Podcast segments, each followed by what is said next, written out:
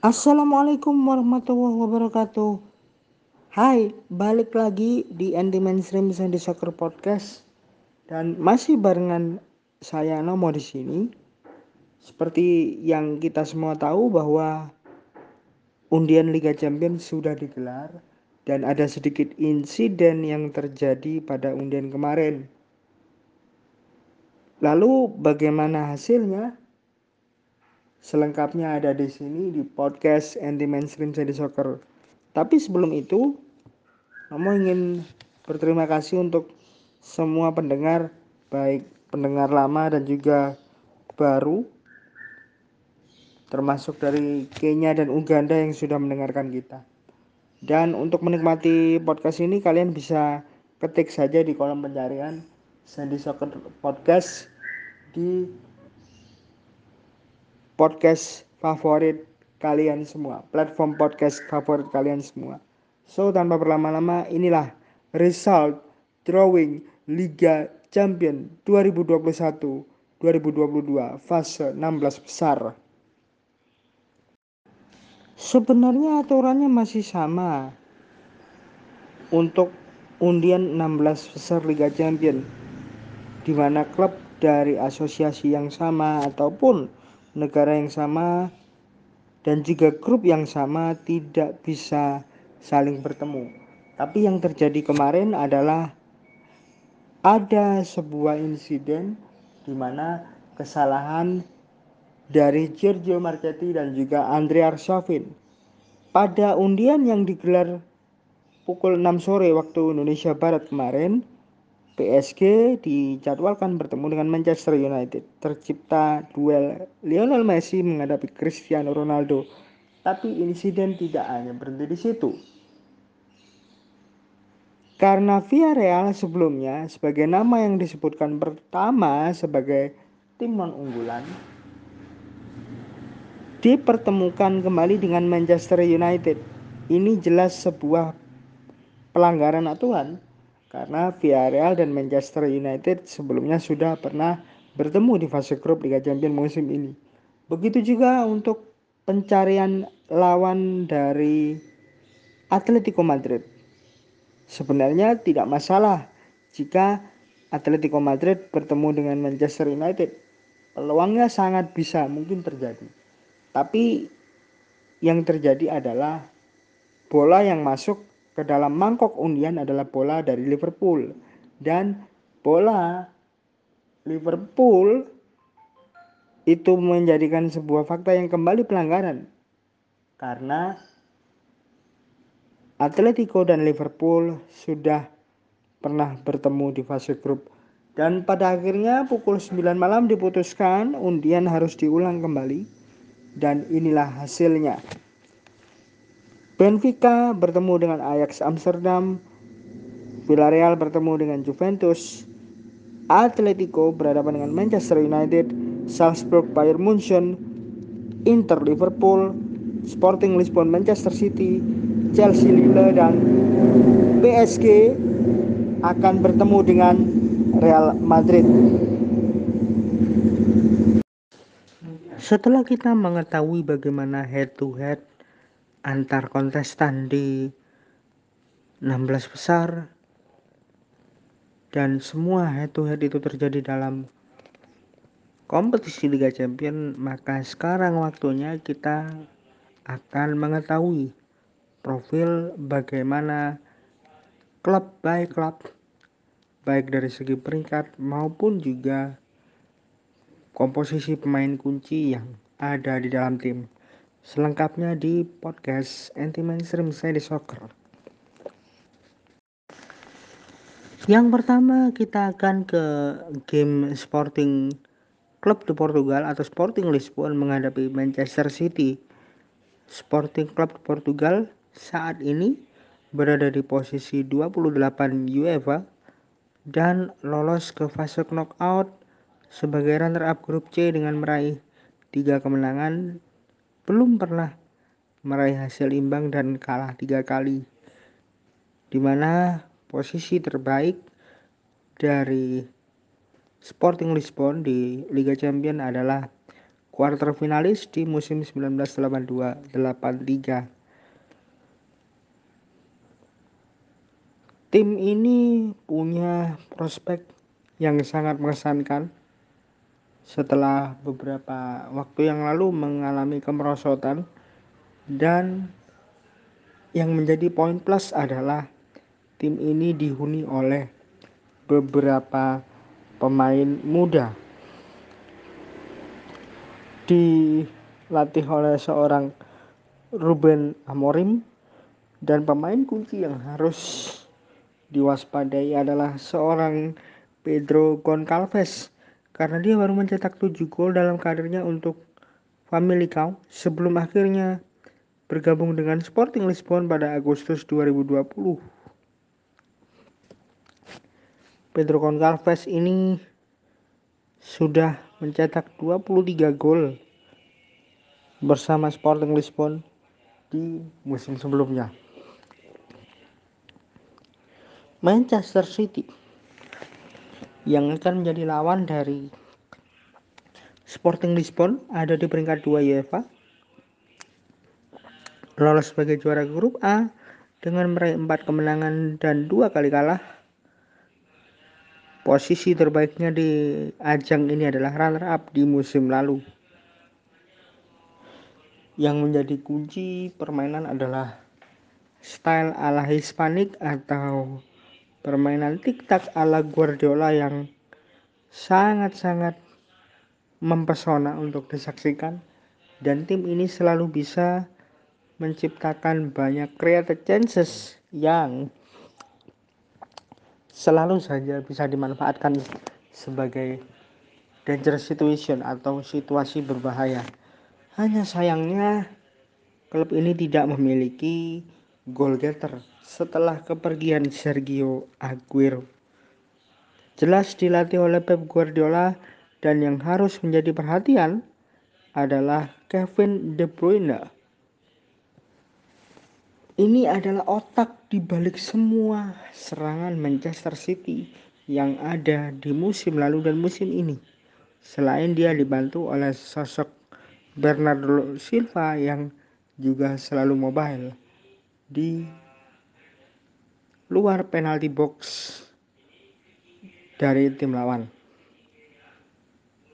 Selanjutnya kita ke pertandingan lain duel dua klub kaya raya di sini Messi kembali bertemu dengan Real Madrid. Ya, Paris Saint-Germain atau PSG menghadapi Real Madrid. PSG berada di peringkat 7 UEFA dengan status lolos ke fase knockout sebagai runner-up grup dengan meraih tiga kemenangan dua kali seri dan satu kali kalah dalam enam pertandingan di grup A. Prestasi terbaiknya tentulah grand finalis di musim 2019-2020 ketika bersama dengan Thomas Tuchel. Sayangnya mereka kalah dari Bayern Munchen di final. Jelas tim yang sangat bertabur bintang dan potensinya masih sangat mampu untuk setidaknya bisa lolos ke semifinal. Namun ada sedikit catatan dari beberapa media Prancis bahwa kombinasi antara antara Mbappe dan juga Messi ditambah lagi dengan Neymar masih belum padu. Bahkan ada kesan terlalu lazy, terlalu bermalas-malasan untuk tiga pemain ini. Dilatih oleh Mauricio Pochettino yang juga punya pengalaman bersama Tottenham Hotspur melangkah ke grand final di musim 2018-19 pemain yang menjadi spotlight tentulah Kylian Mbappe pemain masa depan Prancis yang punya tipikal finisher walaupun sebenarnya posisi utamanya adalah pemain sayap luar dalam skema 4-3-3 milik Mauricio Pochettino di PSG. PSG akan menghadapi Real Madrid.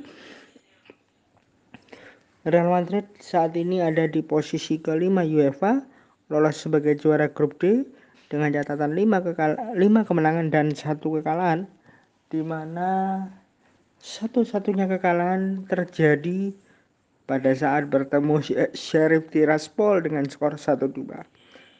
Posisi terbaiknya tentulah juara selama 13 kali. Di mana yang terakhir dicatat di musim 2017-2018 bersama dengan Zinedine Zidane. Performanya kembali ke top performer setelah beberapa musim. Bahkan awal musim ini juga sempat goyah dengan tampil kurang meyakinkan. Bahkan diprediksi hanya paling bagus sebagai runner up tapi ternyata bisa menjadi juara grup dilatih oleh Carlo Ancelotti orang yang sudah pernah punya pengalaman di Real Madrid dan membawa tim ini sebagai kampion Liga Champions di musim 2013-2014 di Lisbon pemain yang menjadi spotlight tentulah Karim Benzema. Karim Benzema menjadi harapan setelah Cristiano Ronaldo pergi. Tetapi sebenarnya dari performa baik yang dimiliki Benzema bahkan sudah mencetak gol yang ke seribu ketika menghadapi Shakhtar Donetsk di awal musim tentu tak lepas dari bantuan dua gelandang vital yang ada dalam sosok Toni Kroos dan juga Luka Modric. Jadi kita akan menunggu apakah jika dua pemain ini absen Benzema masih bisa tampil perfect seperti saat ini masih ada jeda waktu dua bulan ke depan sebelum babak 16 besar dimulai. Next.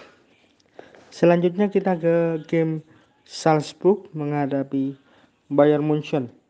Ini adalah pertemuan dua klub yang musim lalu berada di fase grup yang sama, yakni di grup A.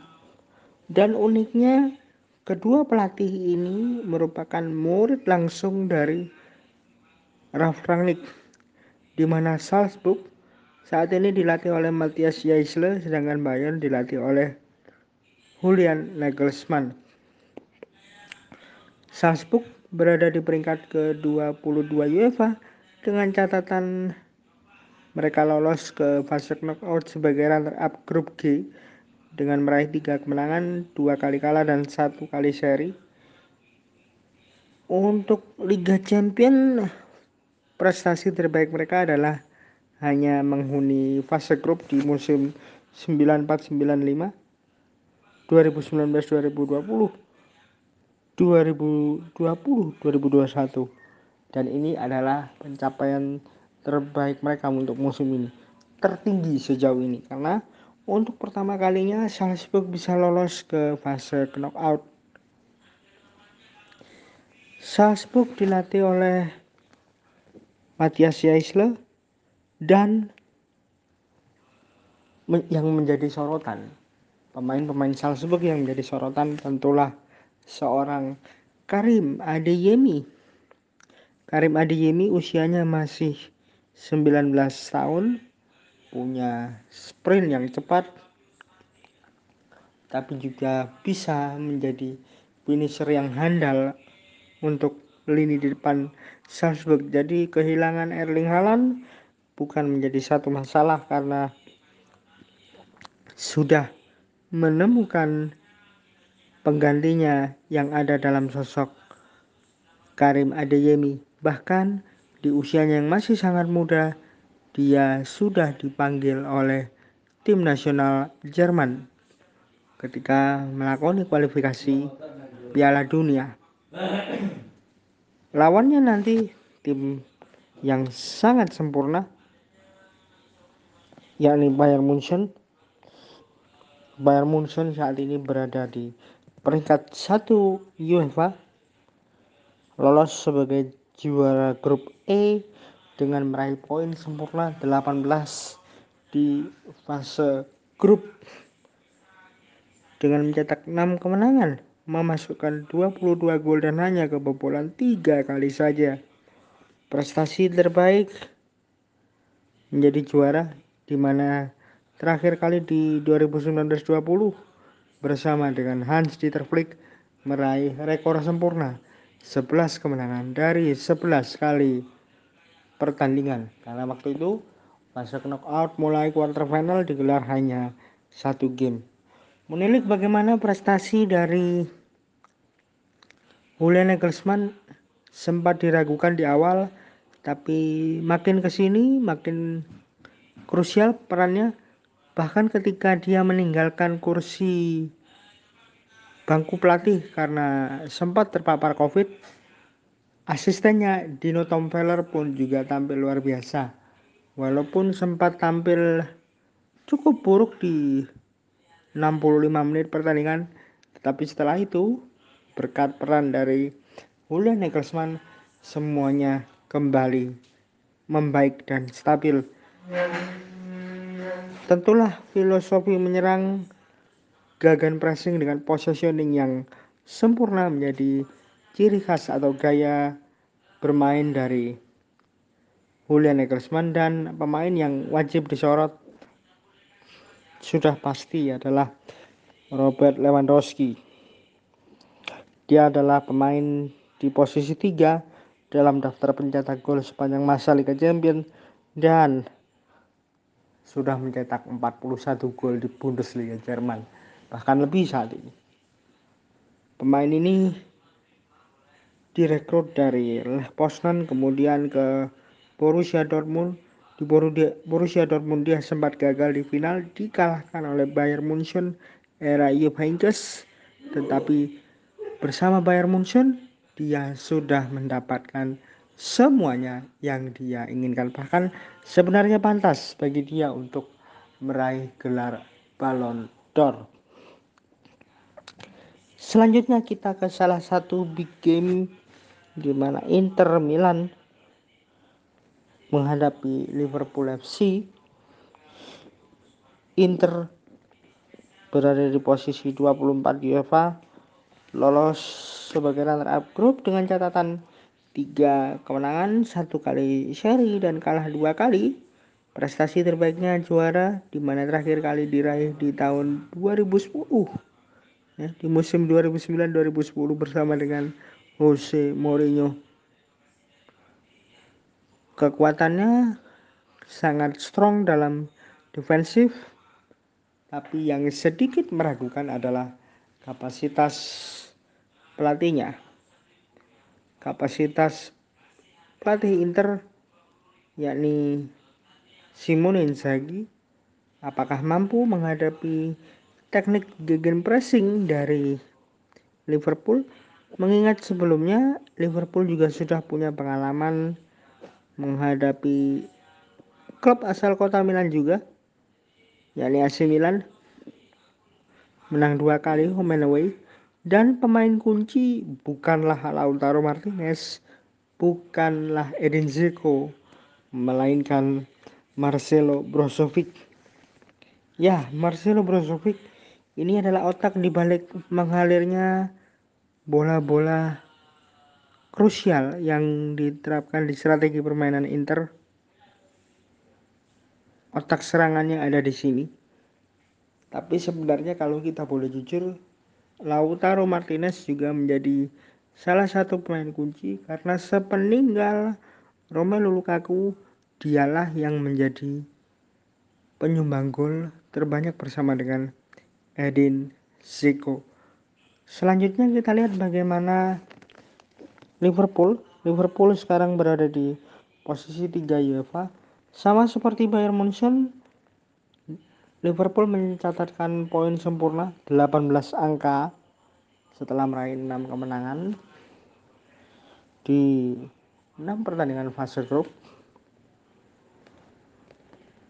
Pola gegen pressingnya Liverpool yang dilatih oleh Klopp membawa hasil karena mereka menjadi juara di musim 2018-2019 dan menjadi salah satu tim terbaik dunia karena berhasil juga mendapatkan Piala Dunia antar klub. Pemain yang wajib disorot untuk The Reds tentulah Mohamed Salah. Tapi Mohamed Salah sebenarnya tidak bisa seluar biasa ini tanpa disupport oleh Sadio Mane. Bahkan kombinasi Sadio Mane dan Mohamed Salah plus Diogo Jota menjadi kombinasi yang sangat sempurna.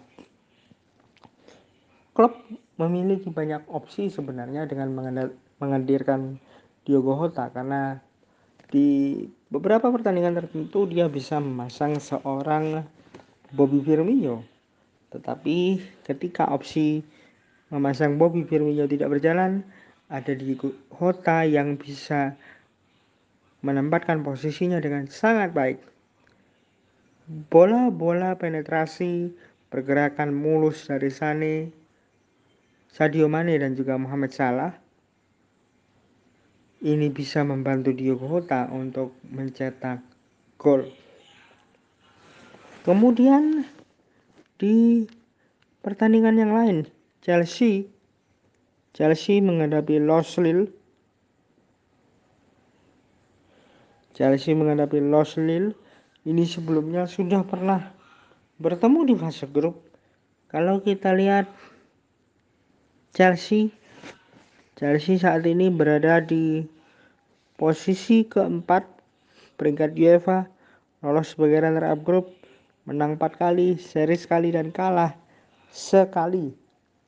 Satu-satunya kekalahan diterima pada saat menghadapi Juventus. Musim lalu sangat mengerikan, tapi musim ini banyak pertanyaan karena dalam beberapa game terakhir lini pertahanan Chelsea cukup kropos. Walaupun cara permainannya masih sama seperti klub, taktikal, pressing tinggi, tetapi lini pertahanan mereka sangat mengkhawatirkan. Ditambah lagi Lukaku yang belum kembali ke peak performnya seperti yang pernah dia lakukan bersama Inter Milan di musim sebelumnya. Pemain yang menjadi spotlight untuk Chelsea adalah Jorginho. Dia adalah main terbaik untuk pria di UEFA Awards musim 2020-2021 menjadi krusial. Sebenarnya Jorginho pun tidak sekrusial ini jika tidak ada N'Golo Kante karena N'Golo Kante yang benar-benar menjaga kedalaman lini tengah dari Chelsea sedangkan Jorginho keistimewaannya adalah punya aliran bola atau umpan-umpan sukses yang cukup bagus umpan-umpan kunci yang sangat bisa dimanfaatkan oleh rekan-rekannya di depan seperti Pulisic, Werner dan juga Kai Havertz. Bahkan tidak jarang Hakim Ziyech pun bisa masuk di sana. Lille Lille ada di peringkat 62 UEFA, lolos sebagai juara grup G, tiga kemenangan, dua kali seri, sekali kalah. Prestasi terbaiknya masuk ke 16 besar, sama seperti saat ini, tapi di musim 2006-2007. Lille ini dilatih oleh Yuselin Gorvenek yang menggantikan posisi pelatih sebelumnya di mana pelatih sebelum Gorvenek berhasil membawa Lille juara Ligue 1. Tapi yang menjadi keunikan Lille musim ini adalah mereka kehilangan banyak pemain kunci. Salah satunya adalah Mike Mignon yang hijrah ke AC Milan. Namun Lille tidak kehabisan stok pemain kunci berkualitas di sana karena ada Jonathan David, striker asal Kanada berusia 21 tahun, pemain termahal dalam sejarah Lille. Bergabung dari Hen pada Agustus 2020 yang lalu, dia sudah benar-benar memberikan kontribusi selama di klub ini. Jadi kita akan tunggu apakah magis dari Jonathan David masih bisa meruntuhkan Chelsea mengingat rekornya seperti yang tadi sudah Nomo sampaikan di segmen sebelumnya sangat buruk ketika bertemu Chelsea di fase grup. Selain Jonathan David tentulah ada Burak Yilmaz yang bisa saja memecah kebuntuan kalau Jonathan David dikunci mati oleh pemain-pemain bertahan Chelsea. Dan game yang akan kita soroti berikutnya adalah Villarreal menghadapi Juventus. Pertemuan perdana kedua klub di kompetisi antar klub Eropa. Namun Juventus punya kenangan buruk di tiga musim ke belakang khususnya untuk fase knockout karena selalu disingkirkan oleh klub-klub yang seharusnya mereka bisa kalahkan seperti Lyon, Porto, dan juga Ajax ketika itu dalam tiga musim terakhir. Villarreal, Yellow Submarine ada di posisi 21 UEFA, lolos sebagai runner-up setelah mengalahkan Atalanta di pertandingan terakhir yang sempat ditunda karena badai salju. Catatan Villarreal di fase grup adalah tiga kemenangan, satu kali seri, dan dua kali kalah. Prestasinya bersama Unai Emery bisa dibilang cukup gemilang karena sebelumnya pernah menjadi juara Europa League mengalahkan Manchester United di final. Tapi untuk Liga Champions, posisi terbaik mereka adalah semifinal di 2005-2006. Pemain yang wajib disoroti adalah Amaud dan Zuma tapi sebenarnya selain Amau dan Juma tentulah ada Gerard Moreno. Gerard Moreno menjadi kunci, tapi yang dibahas di sini adalah Arnaud dan Juma. Kedatangan di musim panas dari klub kasta kedua Liga Inggris membuat pemain ini awalnya tidak begitu diperhitungkan, tetapi pada kenyataannya dia bisa memberikan ancaman buat klub-klub lawan lewat cara olah bolanya yang sangat terampil, sprint, dan visi bermainnya yang luar biasa.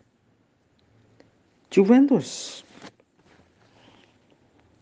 Juventus berada di posisi 8 UEFA lolos ke 16 besar sebagai juara grup H dengan mengantongi 5 kemenangan dan satu kali kalah dari 6 game dilatih oleh Max Allegri performanya di awal kurang begitu meyakinkan. Tetapi semakin ke sini mulai merangkak naik dan mulai stabil. Bahkan di awal-awal sempat ada teguran keras dari pihak manajemen bahwa harus bisa naik ke papan atas setidaknya dalam satu setengah bulan. Pemain kunci tentulah The Young Guns. Future player adalah Federico Chiesa. Setelah mencicipi bahkan merayakan bersama timnas Italia untuk kemenangan dari Inggris di ajang Euro pemain ini sudah mulai menunjukkan perkembangan yang lebih baik dan menjadi leader sejati setelah kehilangan Cristiano. Walaupun di tim ini juga masih ada Leonardo Bonucci dan Giorgio Chiellini, tetapi dia bisa menjelma menjadi pemain yang sangat diperhitungkan untuk si tua. Itu yang bisa kita soroti untuk 16 besar sendiri akan digelar di bulan Februari tepatnya kalau kita lihat di jadwal UEFA ada di tanggal 16 salah satunya 16 Februari 2022 kalau kita kembali lagi ke rilis yang sudah disampaikan oleh Giorgio Marchetti dan juga Marcos Hasursburg saat mendampingi Andreas Safin 16 Februari dan juga 10 Maret waktu Indonesia merupakan catatan tanggal kick off game 16 besar Liga Champions musim 2021-2022. Itu yang bisa Nomo sampaikan hari ini, tetapi sebelum pergi, Nomo mewakili teman-teman tim podcast anti mainstream Sunday Soccer mengucapkan turut prihatin, turut berduka atas gempa yang terjadi di Larantuka dengan magnitudo 7,4 skala Richter yang terjadi pada hari Selasa 14 Desember pukul 10.20. Semoga tidak ada korban jiwa, korban luka, dan tetap kita jaga alam, alam jaga kita. Oh ya, sebelum Nomo undur diri, Kembali nomor ingatkan untuk jangan lupa memfollow akun media sosial kita Gibol Respect G I B O L R E S P E C T lewat Instagram dan juga Facebook untuk mengetahui info terbaru dari sepak bola dunia. So, cukup sekian. Thank you. Salor. Auf Wiedersehen.